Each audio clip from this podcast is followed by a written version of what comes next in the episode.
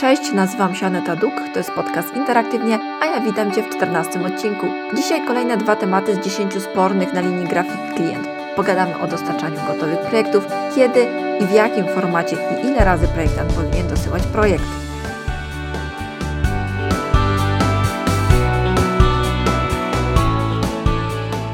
Zdarzyło Ci się prosić projektanta o przysłanie projektu na przykład sprzed roku?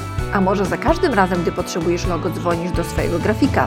Ile razy projektant ma obowiązek dosyłać projekt? Czy może zażądać wynagrodzenia za przesłanie wykonanego projektu? Czy zawsze należą Ci się pliki otwarte? Odpowiedzi na te wszystkie pytania znajdziesz oczywiście w tym odcinku.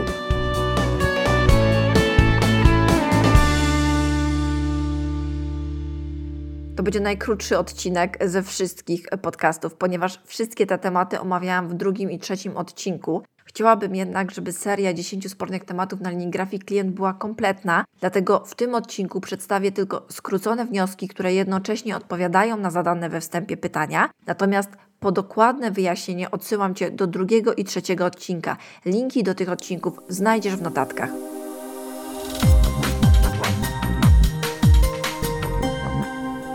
Przedsiębiorcy bardzo często nie archiwizują zamawianych projektów graficznych. Generalnie w każdym momencie, gdy projekt jest im potrzebny, kontaktują się z grafikiem z prośbą o wysłanie e, danego projektu. W zasadzie bez względu na to, czy zlecenie było zakończone miesiąc temu, rok temu czy dwa lata temu. Oczywiście ja nie chcę generalizować, bo istnieją wyjątki, do których pewnie Ty należysz, ale bardzo często tak to właśnie wygląda. Łatwo sobie wyobrazić, dlaczego bardzo szybko temat ten może urosnąć do rangi sporu. Jeżeli projektant wykonuje 10 projektów miesięcznie, przypuśćmy, przez dwa lata zbiera się ich 240. Z biegiem lat może się okazać, że jedną z obowiązkowych czynności gratisowych jest przynajmniej raz dziennie wysłanie komuś projektu, który gdzieś kiedyś wykonywał.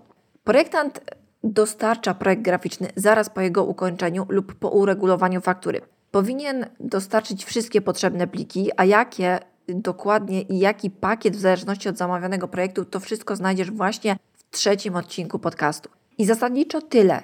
Ta jedna dostawa zamówionych projektów jest integralną częścią zamówienia. Jeśli utracisz dane, nie zapisałeś, zmieniłeś komputer lub zwyczajnie nie możesz znaleźć potrzebnych ci plików, to bardzo często za kolejne dosyłki trzeba po prostu zapłacić. Ale to jest y, jeszcze pół biedy, bo możesz znaleźć się w gorszej sytuacji, ponieważ projektant nie ma obowiązku przechowywać tych plików może więc ich po prostu nie mieć. Wszelkie wyjaśnienia, dlaczego tak jest i konsekwencje takiej sytuacji znajdziesz we wspomnianych wcześniej odcinkach.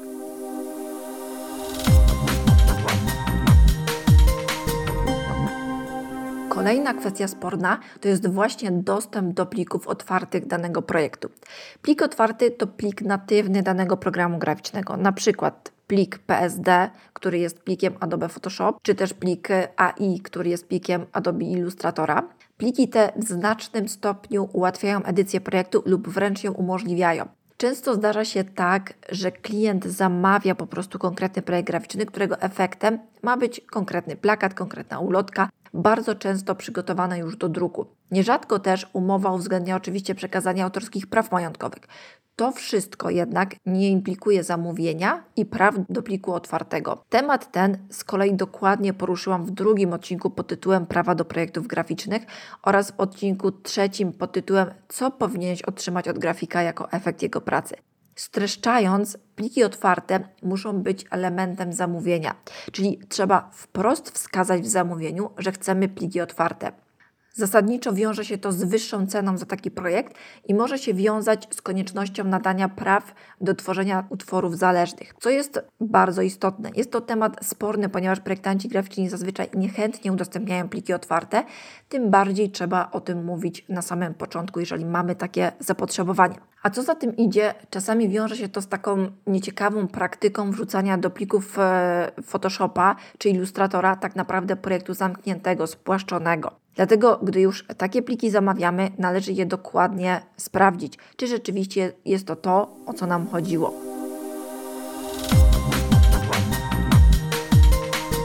I to by było na tyle. Szybkie podsumowanie drugiego i trzeciego odcinka i jednocześnie wyjaśnienie trzech tematów. W związku z tym, że jest to bardzo krótki odcinek, pojawi się on jako bonusowy. Standardowo we wtorek wyczekuj odcinka poruszającego temat korekt w projektowaniu graficznym. Ile tych korekt projektant ma obowiązek wprowadzać? Czy może ograniczyć ich liczbę? Jaka jest różnica między korektą a przeprojektowaniem?